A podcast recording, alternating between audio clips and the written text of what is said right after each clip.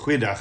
Parasha 22 Vayakehel bymekaar laat kom en Parasha 23 Pekadai berekening nommer 1. Let wel, Parasha 22 en Parasha 23 word elke jaar saam gelees behalwe op 'n skrikkeljaar. Dan word Parasha 22 op sy eie gelees.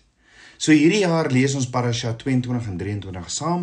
Naamlik sien ons in die Torah Eksodus 35 vers 1 tot Eksodus 40 vers 38 in die Haftara 1 Konings 7 vers 13 tot 1 Konings 8 vers 21 dan in die Britse Nuwe Testament gedeelte Johannes 13 vers 1 tot 19, Lukas 16 vers 1 tot 13, 2 Korintiërs 9 vers 1 tot 15 en 2 Korintiërs 2 vers 14 tot 2 Korintiërs 3 vers 23. Die 22ste parasha of gedeelte uit die Torah word genoem Vayakehel wat beteken en hy het vergader. Die naam is afkomstig van die eerste woorde van die eerste vers van die gedeelte wat lees in Eksodus 35 vers 1. Toe het Moses die hele vergadering van die kinders van Israel bymekaar laat kom en aan hulle gesê: Dit is die woorde wat die Here beveel het om dit te doen. Nou bymekaar laat kom in Hebreëus is Vayakehel en hierdie gedeelte Vayakehel beskryf hoe die kinders van Israel saamgewerk het om die tabernakel te bou. Dan sien ons die par, die 23ste parasha of gedeelte uit die Torah word genoem Pekudei waar daar staan in Eksodus 38 vers 21 dit is die berekening van die kostes van die tabernakel van die tabernakel van die getuienis soos dit bereken is op die bevel van Moses deur die diens van die leviete onder leiding van Itamar die seun van priester Aaron Nou berekening in Hebreëus is Pekadai en dis die laaste gedeelte in Eksodus wat begin met 'n audit van hoe die bydraes vir die tabernakel gebruik is. Hierdie gedeelte beskryf die voltooiing van die tabernakel en die samestelling daarvan en word afgesluit met die heerlikheid en glorie van Abba Vader wat die tabernakel gevul het. So in die Tor in hierdie twee gedeeltes of Torah gedeeltes saam vir die week sien ons in Eksodus 35 vers 1 die Sabbat regulasie, vers 5 die voorbereiding vir die bou van die tabernakel, vers 21 die offers vir die tabernakel, vers 30 Bezalel en Aholiab, dan Eksodus 36 vers 8 die konstruksie en die samestelling van die tabernakel, uh, Eksodus 37 vers 1 die bou van die verbondsark, vers 10 die bou van die tafel van toonbrode vers 17 die die maak van die menorah, vers 25 die bou van die goue altaar, dan ek Eksodus 38 vers 1 die bou van die brons of brandofferaltaar en die koperwaskom. Dan vers 9 die tabernakel se voorhof, vers 21 die materiale van die tabernakel en dan Eksodus 39 vers 1 die maak van die gewaad vir die priesterskap. Dan ook Eksodus 40 vers 1 die tabernakel word opgerig en die toerusting daarvan geïnstalleer. Ge dan vers 34 die wolk en die heerlikheid van Abba Vader. Dan die gedeelte in die Haftara vir die week wat saam bestudeer word sien ons behels 1 Konings 7 vers 15 die tempelgereedskap en versiersels 1 Konings 8 vers 1 die inwyding van die tabernakel en dan vers 12 die rede en gebed van Salomo by die inwyding van die tempel. Dan die gedeelte in die Britse of die Nuwe Testament vir die week wat saam bestudeer word, sien ons behels Johannes 13 vers 1 Yeshua wat was sy disippels se voete. Lukas 16 vers 1 gelykenis van die onregverdige bestuurder. 2 Korintiërs 2 vers 14 aard en vrug van die bediening en dan 2 Korintiërs 9 vers 6 die volop saai wie volop saai sal volop maai. So hierdie twee parashas of gedeeltes saam is 'n mondvol. En dit begin in Eksodus 35 vers 1 tot 3 waar daar staan: Toe het Moses die hele vergadering van die kinders van Israel bymekaar laat kom en aan hulle hulle gesê: Dit is die woorde wat die Here beveel het om dit te doen. Ses dae lank kan daar werk verrig word, maar op die sewende dag moet daar vir julle 'n heiligheid, 'n dag van volkomme rus wees tot eer van die Here. Elkeen wat daarop werk verrig, moet gedood word. Julle mag op die Sabbat geen vuur aansteek in enigiemand van julle woonplekke nie. Sjoe. So mag ons nie 'n vleisie braai of 'n kaggel aansteek in die winter op die Sabbat nie. Is daar ook al vir jou gesê jy mag nie vuur op die Sabbat aansteek nie? Want daar staan geskrywe jy mag op die Sabbat geen vuur aansteek in enige een van julle woonplekke nie. Daar's soveel opinies en soveel dinge hieroor. Maar gaan besoek jy Jerusalem dan sien jy die Jode sal sal nie 'n vuur aansteek op die Sabbat nie as gevolg van hierdie instruksie. Let wel die Jode het baie ekstra reëls gemaak wat nie in die woord staan ten opsigte van die Sabbat nie.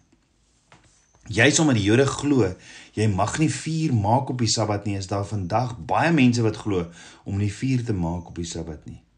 Met ander woorde, die oorhoofse Joodse interpretasie van hierdie vers het 'n struikelblok geword vir baie mense.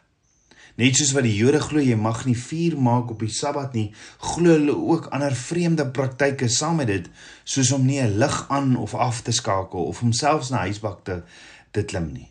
Hulle weier selfs om motors aan te skakel of selfs af te skakel op die Sabbat, want anders skep dit 'n vonk wat gesien word as 'n vuur maak op die Sabbat. Die vraag is egter, wat is Abba Vader se hart en ware bedoeling van hierdie instruksie op die Sabbatdag?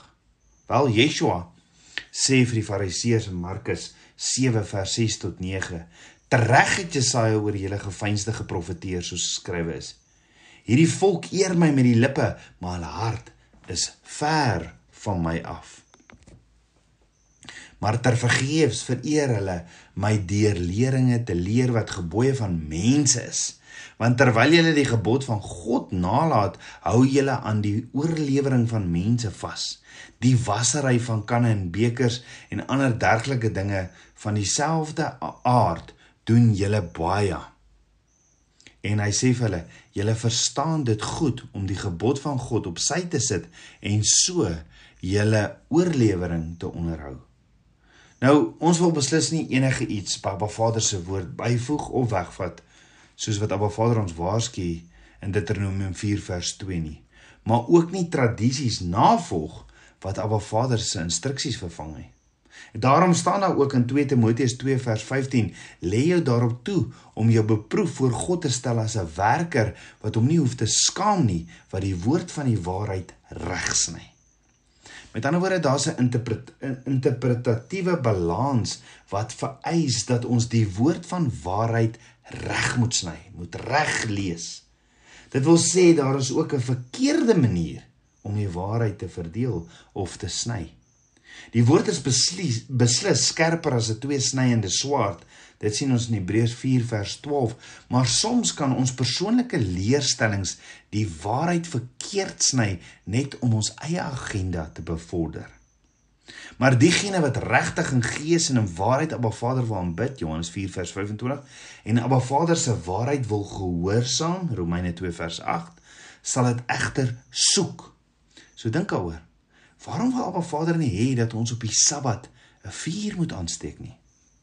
Let wel in vers 3 staan: "Julle mag op die Sabbat geen vuur aansteek in enige een van julle woonplekke nie."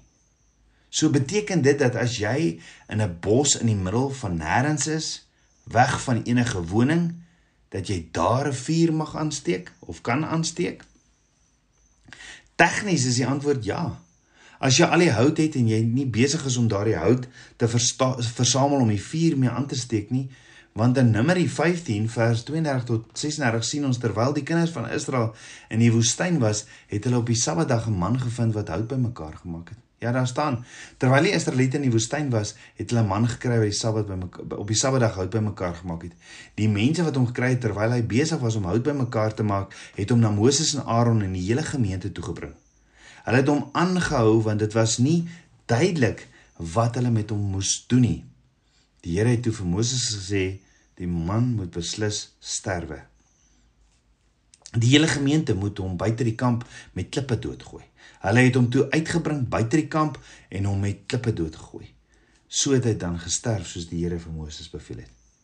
So kan ons dalk tot die gevolgtrekking kom dat daar 'n rede moet wees waarom op 'n Vader fokus op die wonings van diegene gedurende hierdie tydperk van Sabbat aangesien dit betrekking het op die aansteek van 'n vuur. Watter doel het die vure in die wonings gehad? in teenstelling met enige vuur wat die mens aansteek. Die veelsiggende verskil is in die bedoeling en doel van die instruksie wat in die vorige vers vasgestel is. Ja, Eksodus 35 vers 2 tot 3 sê 6 dae lank kan daar werk verrig word, maar op die sewende dag moet daar vir julle 'n heiligheid, 'n dag van volkomme rus wees tot eer van die Here. Elkeen wat daarop ver, werk verrig, moet gedood word. So hoor gou, die vuur wat ons nie moet aansteek nie, is vuur wat op een of ander manier duidelik verband hou met werk. Dit maak sin omdat die sentrale punt van die Sabbat is om te rus. Dit is dus nie noodwendig die vuur wat die probleem is nie, maar die werk op die Sabbat. So e-, enige iemand wat op die vuur gefokus is, het die punt wat Abba Vader in sy instruksies maak, heeltemal gemis en verkeerd verstaan. Want dink daaroor, hoekom sê Abba Vader jy mag nie vuur aansteek by jou woning nie en nie oral sommer oral nie? As dit daaroor gegaan het om nêrens 'n vuur aan te steek nie, sou Abba Vader die opdrag oor vuur op die Sabbat nie net tot die wonings beperk het nie. So uiteraard dien die vuur by jou woning een of ander doel wat teenstrydig is dat jy moet rus. Het die vuur by jou woning nie dalk iets te doen met jou daaglikse werk nie? Jy sien in daardie tyd en selfs vandag nog is 'n vuur 'n belangrike element om baie van die daaglikse werksaamhede te vergemaklik.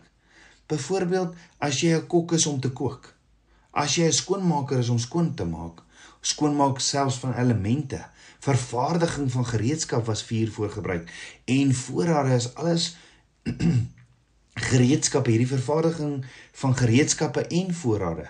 En dit is alles voorbeelde van daaglikse werk wat vuur vereis het.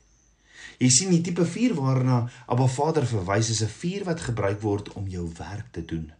Met ander woorde, Abba Vader wil nie hê 'n vuur moet aangesteek word as jy van plan is om van jou werk te doen op die Sabbat nie. Hy wil hê jy moet rus. Abba Vader sê nie dat ons op die dag wat hy vir rus geskep het net moet rus nie, maar ons moet nie eers voorberei of dink aan werk uh, dink aan werk nie. Ons moet rus en op hom fokus.